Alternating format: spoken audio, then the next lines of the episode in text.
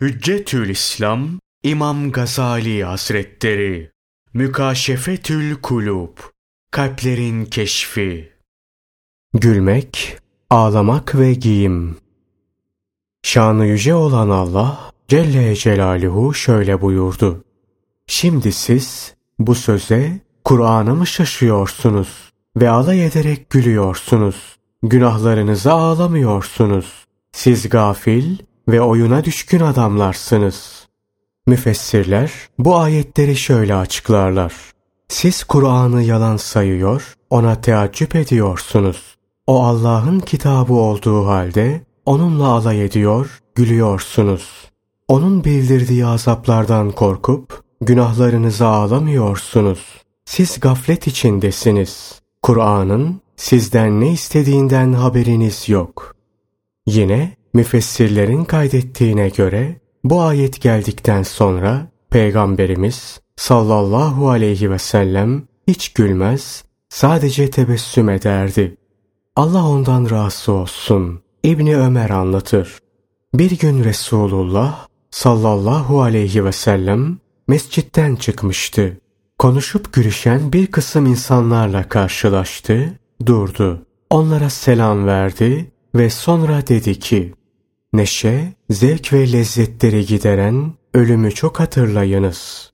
Yine bir gün aynı şekilde mescitten çıkıp giderken gülüşmekte olan bir topluluk gördüler. Buyurdular ki, varlığım kudret elinde bulunana yeminle söylerim ki, eğer benim bildiğimi bilseydiniz, az güler ve çok ağlardınız.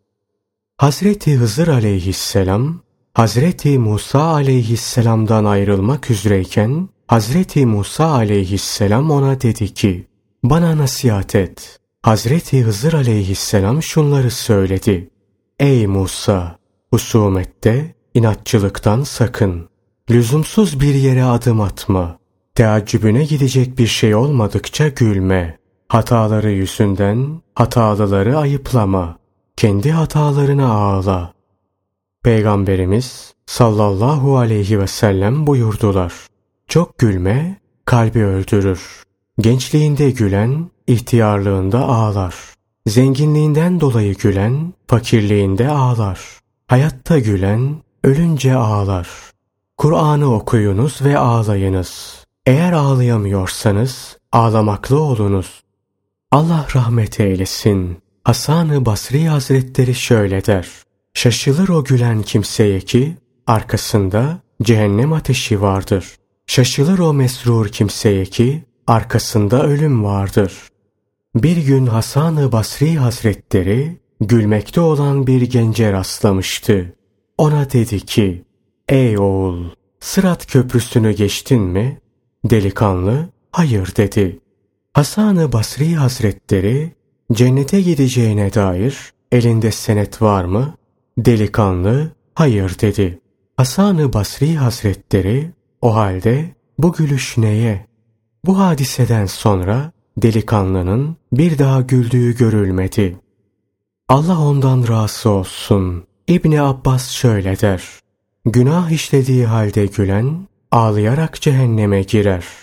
Şanı yüce olan Allah Celle Celaluhu ağlayabilenleri methederek buyurdu ki ağlayarak çeneleri üstüne kapanıyorlar ve bu Kur'an'ı dinlemeleri onların derin saygısını arttırıyor. Kitap meydana konmuştur. Görürsün ki günahkarlar onun içinde yazılı olanlardan müthiş korkudadırlar. Eyvah bize derler. Bu kitaba ne olmuş? Küçük büyük hiçbir şey bırakmayıp saymış. Onlar bütün işlediklerini hazır bulmuşlardır. Rabbin hiçbir kimseye haksızlık etmez. Evzai bu ayette geçen küçük büyükten muradın tebessüm ve kahkaha olduğunu söyler. Resulullah sallallahu aleyhi ve sellem buyurdular ki, Kıyamet günü her göz ağlayacaktır. Sadece üç göz müstesnadır. Bunlar, bir, Allah korkusundan ağlayan göz, iki, Allah'ın haram kıldığı şeylere kapalı olan göz, 3. Allah yolunda uyanık olan gözdür. Denir ki, üç şey kalbi kasvetlendirir. 1. Taaccüp edecek bir şey olmadan gülmek. 2. Acıkmadan yemek yemek. 3.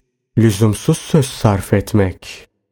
Peygamberimiz sallallahu aleyhi ve sellem bulabildiği elbiseyi giyerdi. Hiçbir zaman alasını aramazdı. Yeşil renkten hoşlanırdı. Ekseriyetle elbiseleri beyaz olurdu. Bu hususta şöyle derdi. Beyazı dirilerinize giydiriniz. Ölülerinizi de beyaza kefenleyiniz.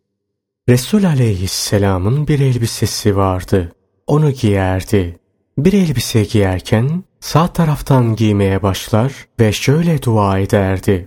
Kendisiyle avret mahallimi örttüğüm ve insanlar içinde güzelleştiğim bu elbiseyi bana giydiren Allah'a hamdolsun. Elbisesini çıkarırken sol tarafından çıkarmaya başlardı. Yeni bir giyecek alınca bir önceki giyeceğini yoksula verir, sonra şöyle derdi. Hiçbir Müslüman yoktur ki bir önceki elbisesiyle Allah rızası için bir Müslümanı giydirsin de o kimse hayattayken ve öldükten sonra Allah'ın hıfsında olmasın. Resulullah sallallahu aleyhi ve sellem bir hasır üzerinde yatarlardı. Altında başka bir şey bulunmazdı.